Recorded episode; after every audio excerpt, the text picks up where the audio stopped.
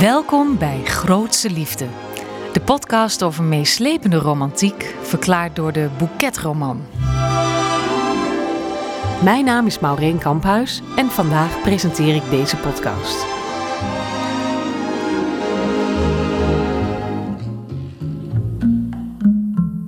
Deze week lezen we Een bruid voor de tycoon, geschreven door Caitlin Cruz. En opnieuw stellen we ons de vraag: wat kunnen we hiervan leren? Ja, waar gaat het over? Sophie Carmichael Jones is een eh, jonge Britse dame uit adellijke kringen die op eh, verzoek van haar vader gaat trouwen met een van zijn zakenrelaties, een graaf. Sophie heeft daar eigenlijk helemaal geen zin in. Ze houdt helemaal niet van die graaf. Maar ja, ze kan haar vader niet tegenspreken. Dus uh, ze stemt toe. En het huwelijk is geregeld. De dag is al ingepland. En uh, ja, zij zal in het huwelijk treden in een kerkje in het hart van Londen. Wat, wat we leren is dat Sophie in Monaco een hele knappe man is tegengekomen. Renzo Crisanti uit Sicilië. Een Italiaanse autocoureur en tycoon. En ja, daar is ze helemaal verliefd op. Haar hele hoofd is op hol. En daar is ze ook nog eens, toevallig of niet, zwanger van geraakt. Ze besluit dan ook om met Renzo af te spreken vlak buiten Londen. Nou, Renzo die komt dan op die heuvel in zijn Lamborghini en die hoort het verhaal met verbijstering aan. Hij staat niet echt te springen of te popelen om een gezin te stichten. Maar hij wil ook niet zijn verantwoordelijkheid helemaal ontlopen. Dus nou ja, hij besluit dan om, om met Sophie af te spreken dat ze contact houden. Maar als hij dan woedend wegbeent, dan, ja, dan voel je ook dat eigenlijk de passie en de opwinding en de liefde ook alweer door hem heen stromen. En uh, dat resulteert er dus in dat hij de volgende dag naar de kapel komt waar het huwelijk zal worden voltrokken. En dat hij daar Sophie eigenlijk voor het altaar wegsleurt om haar mee te nemen naar Sicilië. Hij ontvoert haar dus. Ja, Sophie strippelt wel tegen, vooral in het begin. Maar ja, ze is ook heel erg uh, taken by this guy. Dus ze, ze laat zich meevoeren in alle opwinding. En ze besluit dan ook om op die berg in Sicilië te blijven, net zolang tot haar kind geboren wordt en er het beste van te maken. Ze krijgen dus weer een relatie. Het gaat eigenlijk al heel gauw weer heel erg goed tussen hen. Maar Renzo blijkt getraumatiseerd te zijn. Hij heeft een hele moeilijke jeugd gehad. Dus hij wil zich niet overgeven aan een huwelijk. Iets wat Sophie enorm tot nadenken stemt, want zij wil zich heel graag aan hem binden. Ja, het, het is allemaal een rocky road. Het, zijn veel gesprekken en veel heen en weer. En op een gegeven moment staat Sophie toch al bijna weer met een ticket op het vliegveld voor een enkeltje Londen. Gewoon de thuisreis gaan maken. Maar ja, dan besluit ze toch om, Renzo, um, om, om naar Renzo terug te keren en hem nog één keer voor te stellen van trouw nu met mij. En, en ze wil hem echt overhalen en dat doet ze met heel haar hart. En wonder boven wonder uh, gaat Renzo daarmee akkoord. Dus uh, ja, ik ben natuurlijk heel erg enthousiast hierover. Maar ik ben natuurlijk ook wel weer heel erg benieuwd van... hoe kan dat nou? Hoe kan dat nou ineens zomaar voor elkaar komen? En daarom laten we Jennifer Evenhuis een scène voorlezen om het allemaal nog een beetje duidelijker te maken.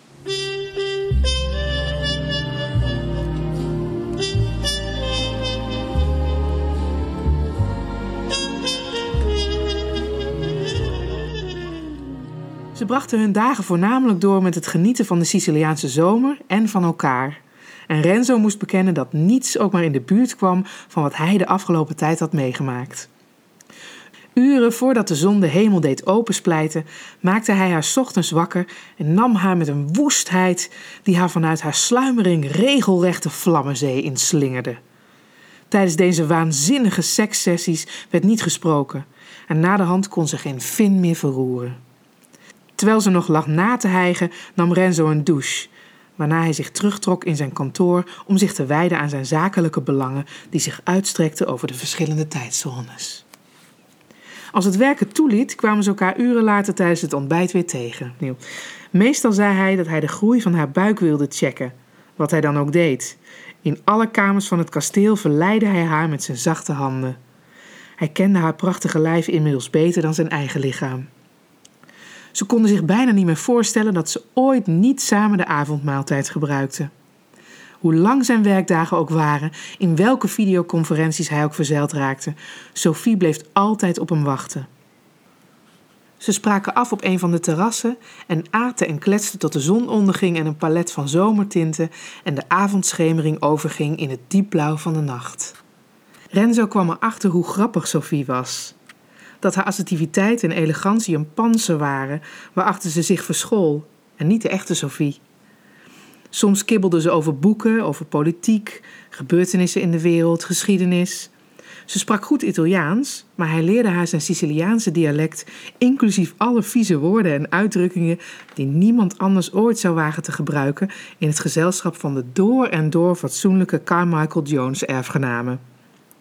Ze praatte tot de sterren aan de hemel verschenen en tot hij haar weer meenam naar zijn bed. Hij was een veel eisende en fantasievolle minnaar. En Sophie was zelfs nog beter dan Renzo zich had voorgesteld in Monaco, toen ze er op een of andere manier in was geslaagd zijn wereld op de kop te zetten.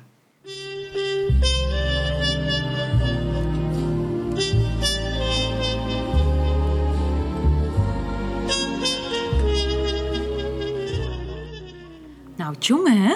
Nou, inderdaad. Heb jij dat wel eens meegemaakt? Zo'n situatie dat iemand je ontvoert naar een kasteel in Sicilië en dat je daar dan een weekje bent? Nee, nee, dat niet. Nee.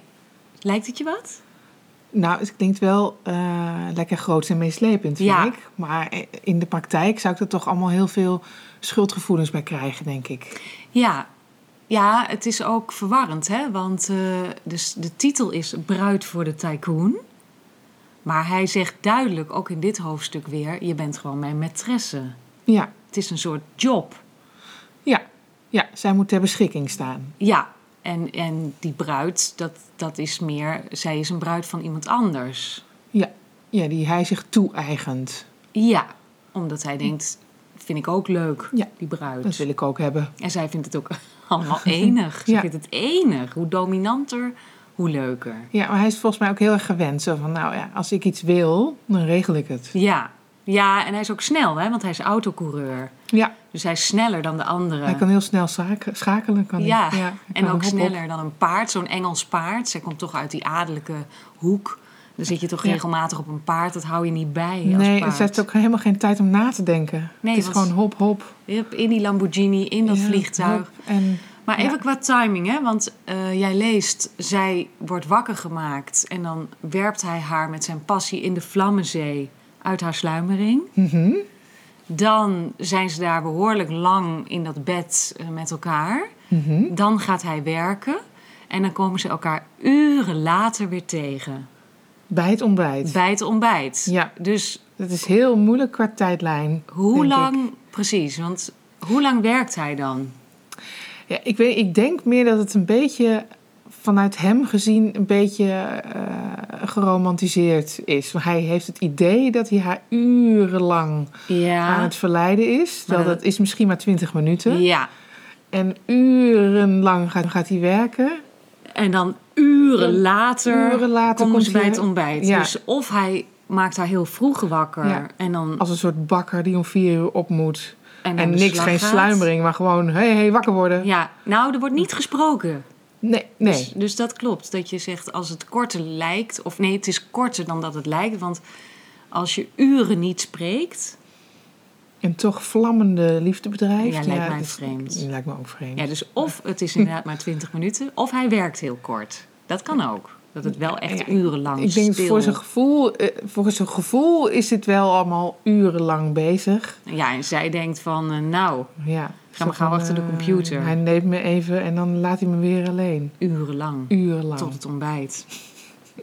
Lijkt me ook niet goed voor die baby als je zo lang op je croissantje moet wachten. Op je cornetto. Nee, maar misschien heeft ze wel gewoon een paar sultana's naast haar bed liggen oh, dat hoor. zou kunnen. Dat is ook ja, heel als, zij, Italiaans. als ze praktisch is, ja, of Ja. gewoon een biscotti.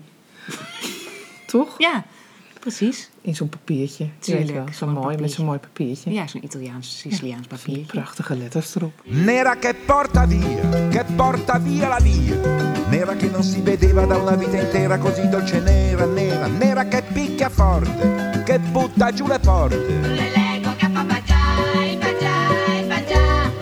Nera di mala sorte che ammazza e passa oltre. Nera come la sfortuna che si fa la tana dove non c'è luna.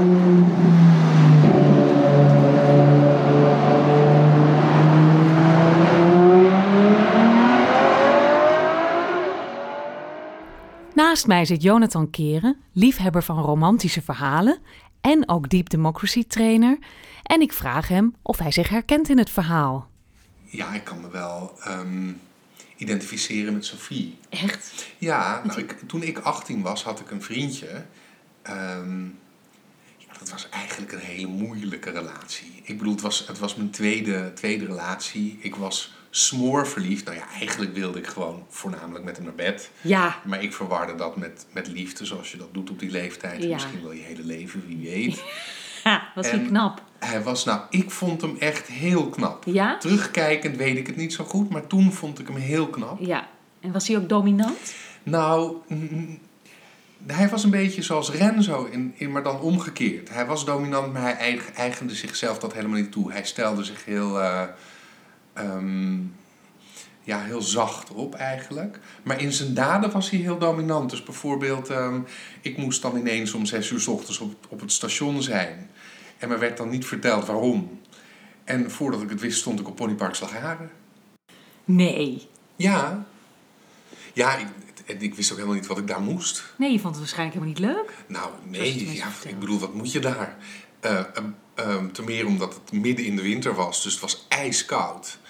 En ehm, Ja, dat maakte hem natuurlijk helemaal niet uit. dat maakte hem niet uit, want hij had een soort eh, pretparkverslaving, bleek achteraf. Ja. Hij schoot ook elke week een, eh, een knuffel voor mij eh, op, op, Oh. op de kermis. Ik moest elke week mee naar de kermis Wat met hem. Vond hij ook leuk. Ja, ik vond het verschrikkelijk, want ik Ja. haatte knuffels. Ja. Dus ik had een, een eeuwig groeiende stapel knuffels in huis. Ja. Waarvan ik niet wist wat ik ermee aan moest. Die kleine, leuke, roze Ja, maar dan ook niet kwaliteitsknuffels, hè? Echt van die kermisknuffels. Ja, ja, kermisknuffels. Ehm, ehm, en nou ja, ook omdat het winter was, was dus de helft van het park dicht. De achtbaan was dicht. De dingen die ik dan nog enigszins leuk zou kunnen vinden, die waren niet operationeel. Jongen. Dus ik stond daar met een stelletje terug, ponies op stal. Ja. En eh, hij heeft het nog een keer gedaan. Ik moest een andere keer ook weer opkomen draven om zes uur 's ochtends op het station. En toen eindigde ik in Fantasialand. Maar dat is, dat is nog wel... ehm, kijk, het is geen ontvoering. Het is nog wel met de nee, trein. maar het is Keulen, dus het ligt al meer in de richting van ontvoerd worden naar een berg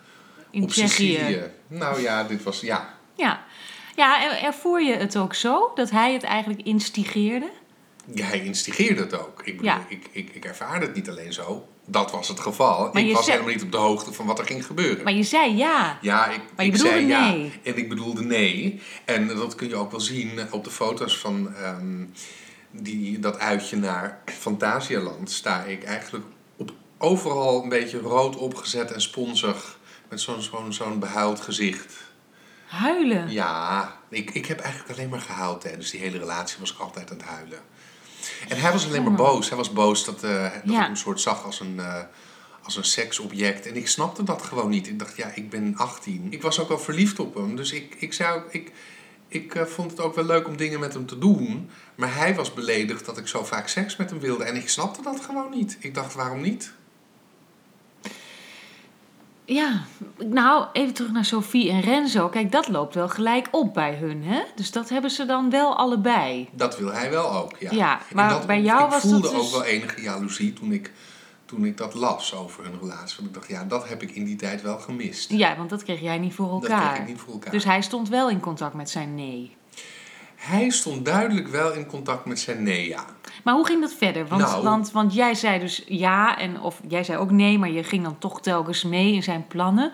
Kon, liep dat nou goed af? Had jij daar succes mee? Nou ja, uiteindelijk kwam ik dus wel in contact met mijn nee. Want het werd wel duidelijk dat ik, eh, dat ik niet dat ik moest stoppen met die relatie. Nee. ja, bedoel ik. Ja, nee. Ehm, en toen heb ik eh, besloten om eh, dat op een, publieke locatie aan te kondigen. Omdat je dacht, dat is beter, dat ik is dacht neutraal. dat is beter. Nou ja, ik dacht dat is neutraal terrein. Als ik hem bij mij thuis uitnodig, is er nog de kans dat hij niet weg wil gaan. Oh ja, dat hij daar gewoon niet mee akkoord dat is. ik gewoon niet akkoord ging. Nou, ik dat bleek ik dus ook goed te hebben ingeschat. Want ehm, ik heb dus uiteindelijk, waar ga, je, waar ga je naartoe als je het op een publieke plek wil uitmaken met je vriendje als je 18 bent? Natuurlijk naar de McDonald's. Dus ik heb, hem, eh, ik heb een afspraak met hem gemaakt bij de McDonald's. En eh, over de bananenmilkshake uitgelegd dat ik, eh, dat ik ermee wilde stoppen. Ja, Nou, daar ging hij niet mee akkoord. Oh jee, Ja. wat dramatisch. Wat een dramatische jongen. Buitengewoon dramatisch. En ehm, Hoe ging het dan verder? Jij stond op, je zei nou jammer, ik ga. ik zei, nou jammer, ik ga. Ik liep de deur uit, Utrecht in, want daar woonde ik to- toen ter tijd. Ja, En eh, hij liep gewoon achter me aan. en jij liep, jij liep door. En Jij- ik bleef maar lopen en hij liep maar achter me aan. Ik ben nog omgedraaid. Ik heb gezegd, dit gaat het niet worden. Maar dat accepteerde dat, hij en niet. zei, nou ja, dat gaat het, dat gaat het wel worden. En eh, ik heb daar urenlang door Utrecht met hem achter me aan geprobeerd om van hem af te komen. Uiteindelijk heb ik eh, aangebeld bij een vriendin van mij die in het centrum woonde. Ja, Althans, ik zeg aangebeld. Dat was ook een heel gevecht. Want, want dat liet hij niet toe. Oh, hij was daar weer bij. Dat was echt een worsteling. Wat was hij dan toch snel dat hij ook alweer bij die vriendin, bij die Nou ja, deur. Ja, dat heeft hij dus wel weer ge- gemeen met onze vriend Renzo, Ja. de autocoureur. Was hij autocoureur? Dat zou best wel eens kunnen. Ja, Ja, hij had dat snelle, dat schakelende. absoluut. Want ik liep met een pittige pas door Utrecht heen. Ja. En hij hield me wel bij. Nou, dat geeft. Ja, maar dat is een teken. Dat is een teken. Dat zat, die Michiel Verstappen zat al in hem. Max Verstappen, sorry. Max Verstappen. Die zat al in hem. Ja, die was een kleine Max Verstappen. Dat was wel duidelijk. En toen kwam ik dus bij dat huis van die vriendin aan. En hij greep mijn arm. En, ja. En, Oh, ja. en vocht met mij, want Ja. hij wilde niet dat ik, eh, dat ik dat huis in zou gaan. Toen kwam er nog een, een buurvrouw, die kwam eh, naar buiten gerend. En die tegen, stond tegen ons te schreeuwen van, gaat het ergens anders doen, Ja. sorry Morrie. Ja, dat is ook wel een beetje Italiaans, Siciliaans vind ik dat. Een buurvrouw. Het zou heel goed kunnen dat ze dat was. Ja, Schorri Morri. Ja, is misschien ook wel een Italiaans. Die- Ja. En, eh, nou ja, en terwijl ik dus eigenlijk probeerde te ontsnappen. Hè, en zij zag mij als een soort getijzen, terwijl ik, ik kwam niet weg. Ja, maar dat is dus dat, dat niet kunnen omgaan met, met die dominantie van jou. Hè? Hij. Jij domineerde hem nu en hij kon het niet Hij accepteren. kon het niet accepteren. Hij moest overrulen. Ja, dat is wel goed geobserveerd. Nou ja, eh, toen Ja, kreeg ik dus wel die deur open. ja en toen ben je naar En binnen toen- En gegaan. toen heeft die vriendin, die kwam naar beneden, die, die gooide die deur open. Die zei, rennen, rennen naar boven. Ja, waai, we waai. renden, vaai, vaai. We renden door die galerij. Ja, In de hoop hem. dat de deur voor zijn neus was dichtgeslagen. Nou, dat bleek helemaal niet het geval. Want toen, eh, toen, toen kwamen we bij haar binnen, in haar huis. En daar heeft hij nog urenlang op de deur staan rammen en op de ramen staan rammen. Hij heeft staan aanbellen. Hij, had ook nog, hij heeft ook nog ehm, de telefoon, hij heeft constant gebeld. Hij was, in zekere zin was hij ook een soort tycoon, want hij, het was 19, nou het zal 94 zijn geweest. En hij had al een mobiele telefoon. En hij had een mobiele telefoon. Dus hij zat in zaken. Dus hij, zat, eh, hij was een soort tycoon, ja. Ja, een tiener tycoon. Nu, nu dat ik erover nadenk, de manier waarop ik hem leerde kennen, was dat hij eigenlijk mijn, mijn, mijn baas was op mijn, mijn werk. Dus dat, is dat hele, die hele power, eh, power dynamic, die zat er eigenlijk al vanaf het Vanaf het begin. begin zat het erin. Maar wat afschuwelijk, werd je ook niet een beetje bang? Ik vind het een beetje spooky klinken. Iemand die op de deur staat te rammen. Nou, in dat geval was ik ook, in, in die situatie was, ook, was ik ook wel een beetje bang. En de opwinding die was weg. Of, Ja. of, of was die er nog? Dacht je nog steeds van, oh, knappe nou, vent. Nee, Nee, nee. Nee. nee, want hij- Nee. nee, er was weinig van over. Ja, Ik bedoel niet dat ik vies ben van een, van een, een, een dominante tycoon die me aan de haren meesleept naar een eh, berg op Sicilië. Nee. Ik zou daar niet per se nee tegen zeggen. nee. Maar in dit geval, nee. En hij had ook iets zijigs in hoe die, hoe die dingen... Dus hij deed wel dominant, maar in zijn, in zijn stijl en zijn praten en zijn fysicaliteit was het eigenlijk allemaal heel soft. Ik begin er nu langzamerhand achter te komen dat opwinding en verliefdheid en passie kunnen bestaan naast weerstand of zelfs een beetje angst. Voor Sophie moet het ook moeilijk zijn dat Renzo zo ontoegankelijk is, zo ongenaakbaar. Tegelijkertijd wil ze hem, is ze helemaal gefascineerd door zijn persoon en voelt ze passie voor zijn lichaam. Ik kan me voorstellen dat het moeilijk voor haar is om hem helemaal buiten te sluiten. Tegelijkertijd zou ik me niet heel erg op mijn gemak voelen. Maar ja, wie ben ik? Ik vraag hoe dat zit, hoe dat gaat in de menselijke psyche, aan angstpsychologe Imke Grotehuis, werkzaam bij Stichting Valk. Love is in the air. Everywhere I look around. Naast mij zit eh, Imke Grotehuis, psychotherapeute bij Angstexpertisecentrum Stichting Valk. Imke, welkom. Dankjewel. Imke, jij houdt je bezig met angst. Dat wil zeggen, jij behandelt mensen die angstig zijn. Eh, wat valt jou nou op aan dit verhaal? Ik denk dat Sophie ehm, heel veel emoties heeft, sensaties in haar lichaam, die ze toeschrijft aan eh, deze meneer, die ze daardoor heel spannend vindt. Maar dat die, al die sensaties die zij heeft ook net zo goed toegeschreven en veel waarschijnlijker toegeschreven kunnen worden aan het feit dat ze uit een kapel gesleurd wordt, eh, dat ze Ontvoerd wordt. ontvoerd wordt, doorraast of langs zo'n eh, ravijn eh, over een slechte weg raast. Daar voel je ook van alles bij. Ja, jij denkt eigenlijk dat Sophie angstig is. Ja, Ik zou ook angstig zijn hoor. ja. Renzo heeft iets angst, iets, iets gevaarlijks. Hè? Ja. Hij, hij boezemt angst in. Ja, en dat je dat, eh, al die heftige emoties, dat je dat dan eh, ja, heel positief labelt aan, eh, aan deze meneer. En, en hoe kan het dan dat je dat eigenlijk projecteert op, op die man? Want jij bent angstig. Nou, het is een heel bekend fenomeen uit, uit de psychologie, is, is, is goed onderzocht, vaak onderzocht. Het, ze, ze noemen dat ja, de misattribution of arousal. Mooi. Ja. Misattribution of arousal. Exact. Verwarring van opwinding. ja, waar schrijf je de, de opwinding of de sensaties aan toe? Juist. Dus de hartkloppingen, het zweten. eh, Verhoogde hartslag, gespannen spieren. Ja, oh ja, gespannen spieren. ja. en eh, een beetje misselijk worden, een beetje licht in je hoofd. Ja, waar schrijf je dat aan toe? Ja, en zij schrijft het natuurlijk toe aan de zwangerschap en aan hem. Ja, Eh, dat onderzoek hè, wat jij eh, net noemde, eh, kan je dat een beetje toelichten? Ja, dat is al een onderzoek uit 1974 van de heren Dutton en Aaron. En het is vaker onderzocht. Maar het is het meeste bekend onder het, het Tauburg-onderzoek. Tauburg-onderzoek. de Rope, Rope Bridge Research. En ze hebben een groep mannen... hebben ze laten, geïnterviewd laten worden door een dame... En in het ene geval stond die dame op een hele stabiele brug. En in het andere geval stond die dame met de, de, ja, de proefpersoon op een hele wiebelige touwbrug. En dan stonden ze samen te wiebelen. Stonden ze samen te wiebelen. en ze kregen zelfs nog een eh, psychologische vragenlijst in de vorm van de Thematic Apperception Test. Een, eh, Ja, een projectieve test. Ja. ja daar hadden ze allemaal tijd voor. Hadden ze allemaal tijd voor. En dan eh, na afloop waren er nog wat onduidelijkheden. En dan werd er gezegd, als je nou nog wat vragen hebt over dit onderzoek...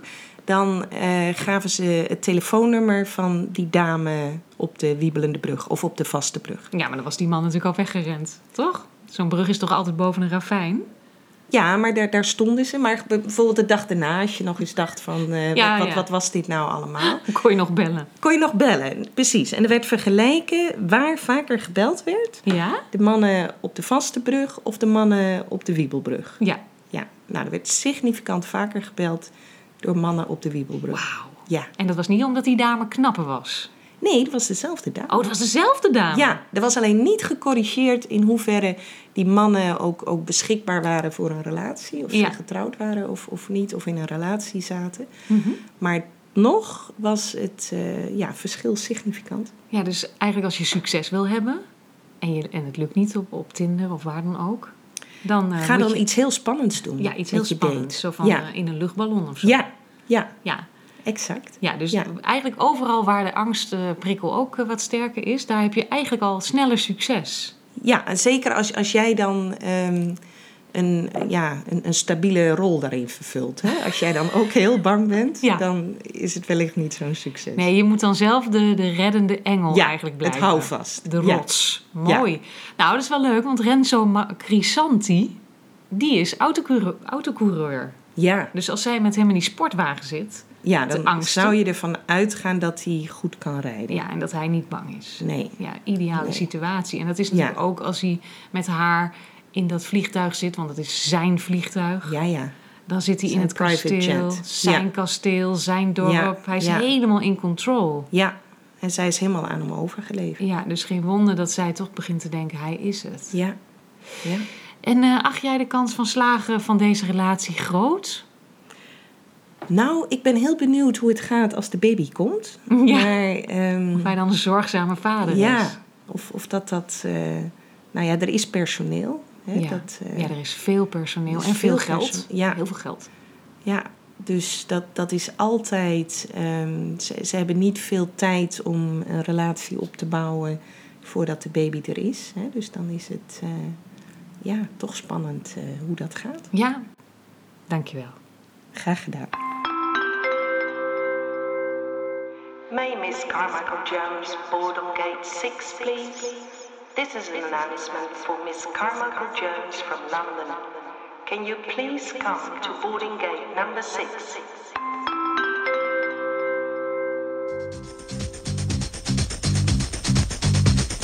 Love is in the air. Everywhere I look around. Nou, Imke is ook niet al te positief. Maar ik heb best goede hoop, want ik weet dat het boekje heel goed eindigt. Ik wil ook leren van Sophie. Hoe krijgt ze het voor elkaar dat die tycoon uiteindelijk met haar trouwt? Ik moet iemand vinden die alles weet over tycoons. En ik kan maar één iemand bedenken, en dat is de hoofdredacteur van uitgeverij Harlequin, Hans Jansen. Ik vraag hem, hoe kijkt hij aan tegen het fenomeen tycoon?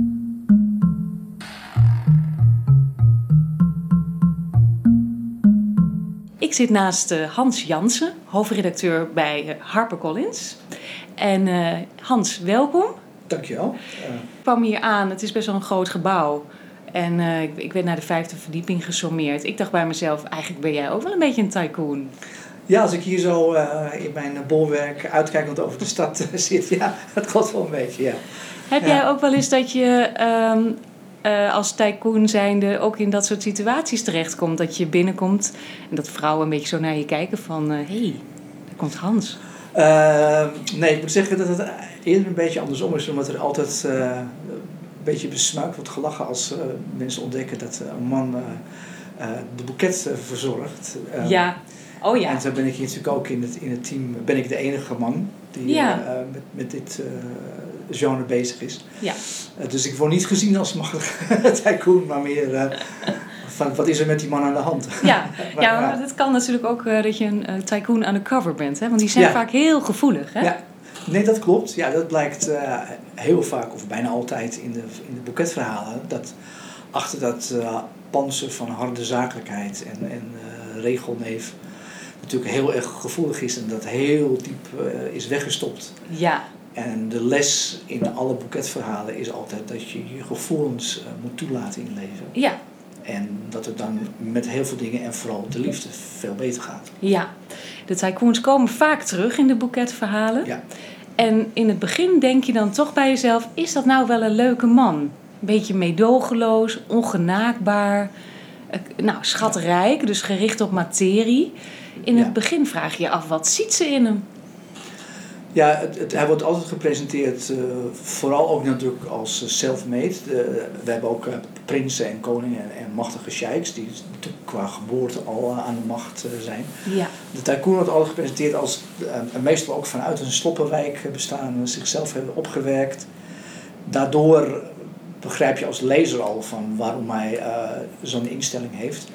De heldin valt als een blokvorm en daarin wordt het mooie beschreven van Vlietwoorden dat zij ook aan het begin totaal niet begrijpt hoe kan ik nou voor zo'n man vallen.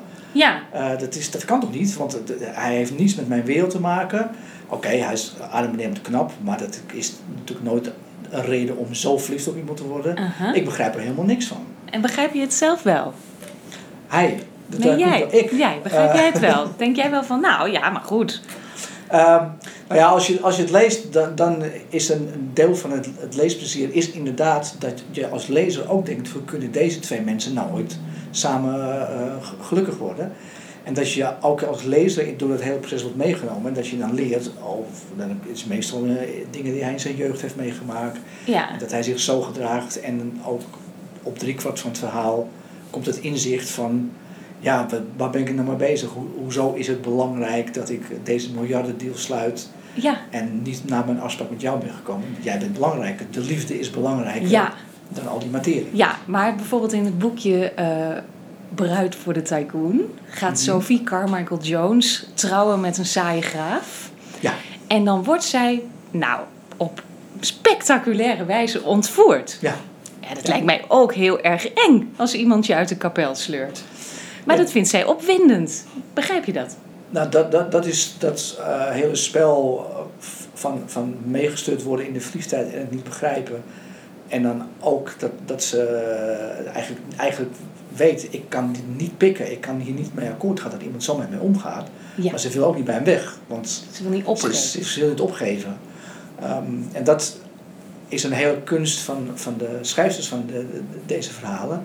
Dat je dat nog geloofwaardig houdt. Want als je het zo vertelt, dan zeg je, nou ja, dat is natuurlijk belachelijk. Ja. Geen mens gaat zich laten ontvoeren. En dan mag ze ook, ze probeert het dorp nog te verlaten volgens mij. En dan wordt ze weer tegengehouden. Ja, ja, Ja, ja. dan, je, je, je pakt je mobiel en je belt de, de, de, de carabinieri om je te komen bevrijden. En Ja. eh, je zegt, bekijk je het even met al je geld. ja. Maar dat gebeurt niet, omdat die gevoelens die ze voor me heeft sterker zijn dan al die twijfels. Oké. En dat, dat er heen en weer gesleurd worden tussen eh, twijfel en denk ja, maar ik, ja, ik ben zo verliefd op hem.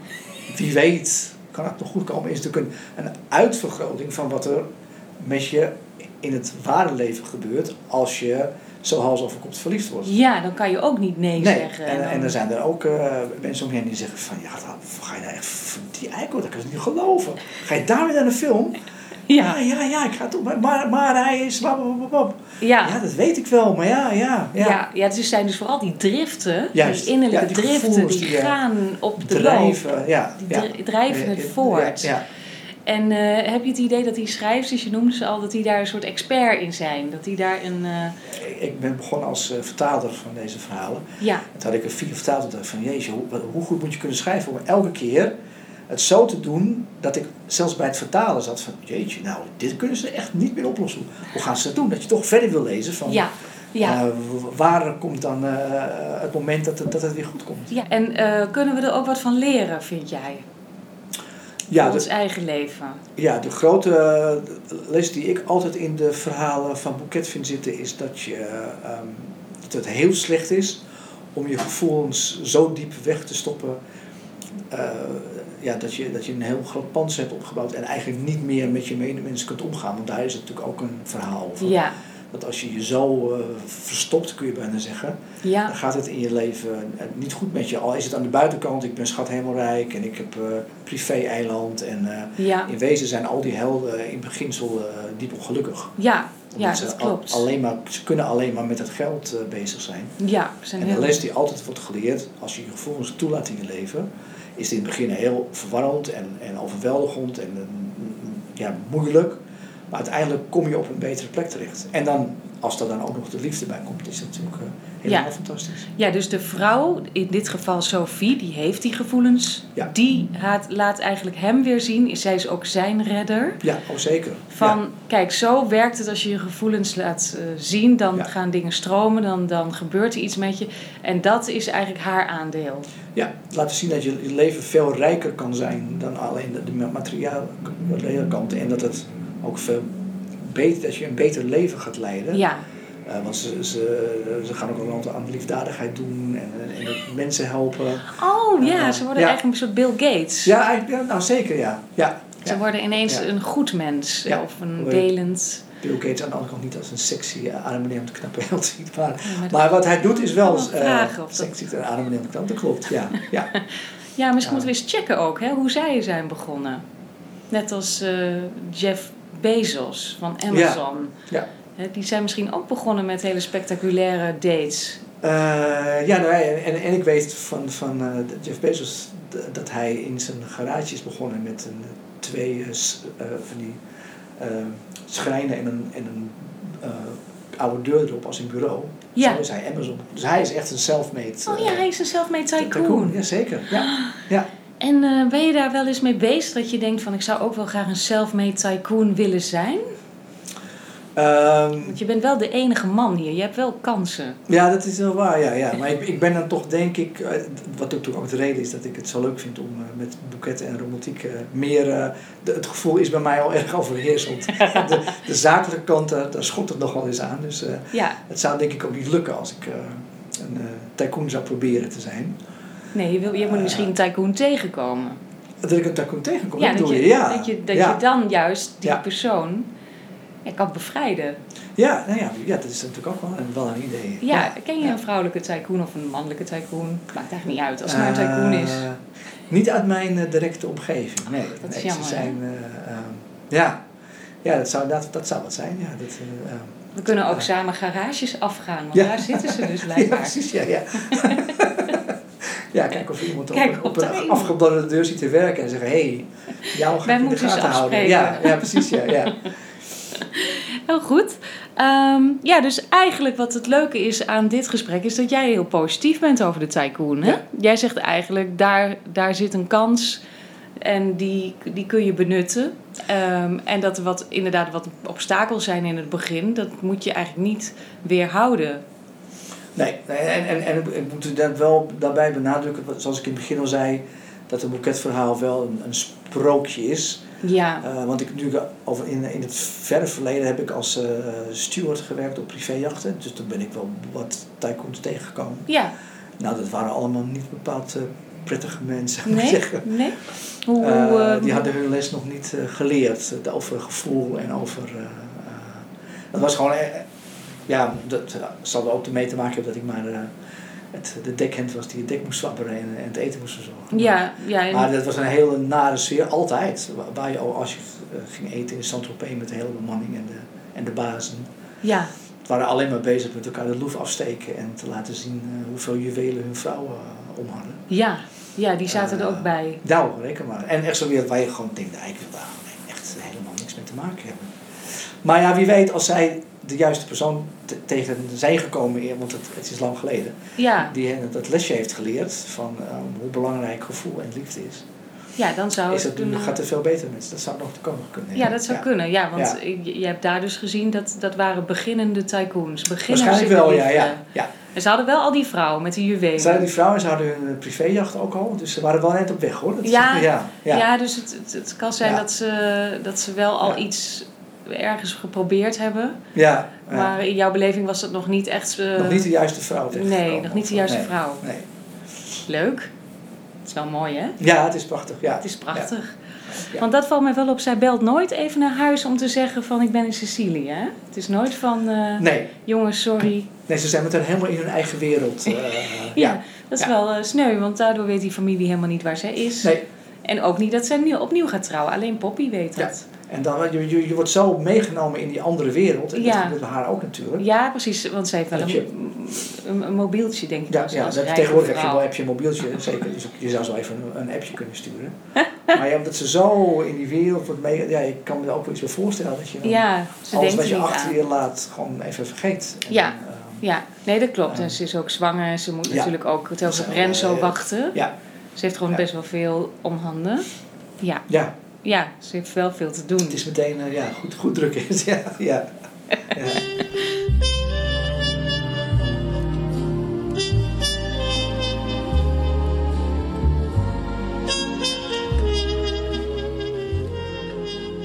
Nou, ik vond het heel leuk. Ik denk dat ik er door, hierdoor weer veel positiever ben over, eh, ja, over wat hier nou eigenlijk gaande is. Ja, ja, en je moet gewoon altijd onthouden, bo- boeket, het is niet meer niet minder, het is geschreven als, als, als vermaak. En om je even heerlijk anderhalf uur tijd te geven om al je dagelijkse beslommeringen te ontvluchten. Ja, Eh, maar er zit ook een prachtige les in. ja dat is waar. De liefde overwint al je problemen altijd.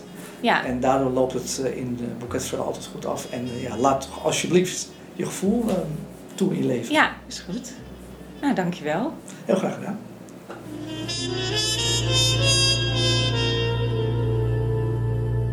Ja, nu na dit interview werd het mij wel duidelijk dat er eigenlijk winst is aan beide kanten. Dus Sophie en Renzo komen dichter bij hun gevoel. En misschien is het daarom ook niet raar dat het boekje heel goed afloopt. Iets wat aan het begin onwaarschijnlijk lijkt, dat eindigt toch wel met een, met een behoorlijk positieve, realistische uitkomst. Want ze gaan trouwen. Ik vraag het nog één keer aan Jonathan. Jonathan, hoe denk jij dat Renzo hier tot op dit punt is gekomen? Dat hij gewoon met die trouwringen aankomt? Oh, dat is een goede vraag. Hoe hij daar zo is gekomen. Nou, ik denk allereerst dat zij er een grote rol in heeft gespeeld. Ja, ik zag het ook niet aankomen, dit. Nee, hè? Nee, ik was heel sceptisch over ehm, die relatie. Ook vanwege zijn. eh, nou ja, zij, zij zit in die context van die adel. Ja, Ja, en hij is nieuw geld. Klopt. Hij Ja, is dat- een eh, bastaardzoon, een self-made man. Ja, nou ja, dat gaat eigenlijk niet. Maar ja, haar overgave Ja, heeft een grote rol gespeeld in mijn ogen. ja, haar overgave aan de situatie of aan haar verliefdheid of En aan hem. aan hem. Ja, om zich volledig open te stellen voor wat er ook komt. Ja, En, en, en daarin heeft hij de kans gehad om misschien te ontdooien. ja, ja, ja, klopt. Want hij zegt op een gegeven moment: Oké, ik was de hele tijd bang om mijn gevoelens te tonen. In mijn leven was dat geen succes vaak. En, Ja. en, en nu doet hij het, hè? Ja, nu doet hij het. Dus ik denk dat in, in die, ja, eigenlijk in die kelk van haar overgave heeft hij zichzelf kunnen vinden. En dat Ja. vind ik wel heel erg leuk voor hem. Ja, ik ook. Dus het is eigenlijk toch een heel mooi einde waarbij twee mensen eigenlijk eh, de winst vinden van je, je gevoel volgen. Nou, het is, het is echt een, wat je noemt een win-win situatie. Het is voor haar ook leuk. Ja, dat ik klopt. bedoel, hij is, het is een knappe man, het is een, een grote man. Hij doet niet te kinderachtig in bed. Nee, hij is rijk. Ja, geld is ook wat waard. Ja, mooi. Ik denk inderdaad eh, dat het kernwoord overgave is. Overgave. Dankjewel. Graag gedaan.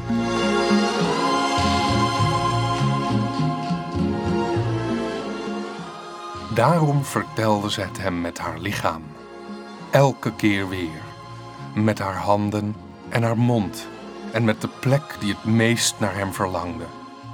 Ze hield van hem wanneer ze ineengestrengeld in slaap vielen. In hetzelfde tempo ademend. Ze hield van hem op die woeste ochtenden, wanneer ze ontwaakte met hem in haar en hij maar even nodig had om haar over die bitterzoete rand te schieten, nog voor ze zich haar eigen naam kon herinneren. Ze hield op elke mogelijke manier van hem. Ze kon er niets aan doen. En daarmee komt dan een einde aan het eh, liefdesverhaal van eh, Renzo en Sophie. En eh, ja, ik heb er weer heel veel van geleerd. En de volgende keer eh, gaan we verder met, eh, met Passie als Wapen van Sarah Kerrigan.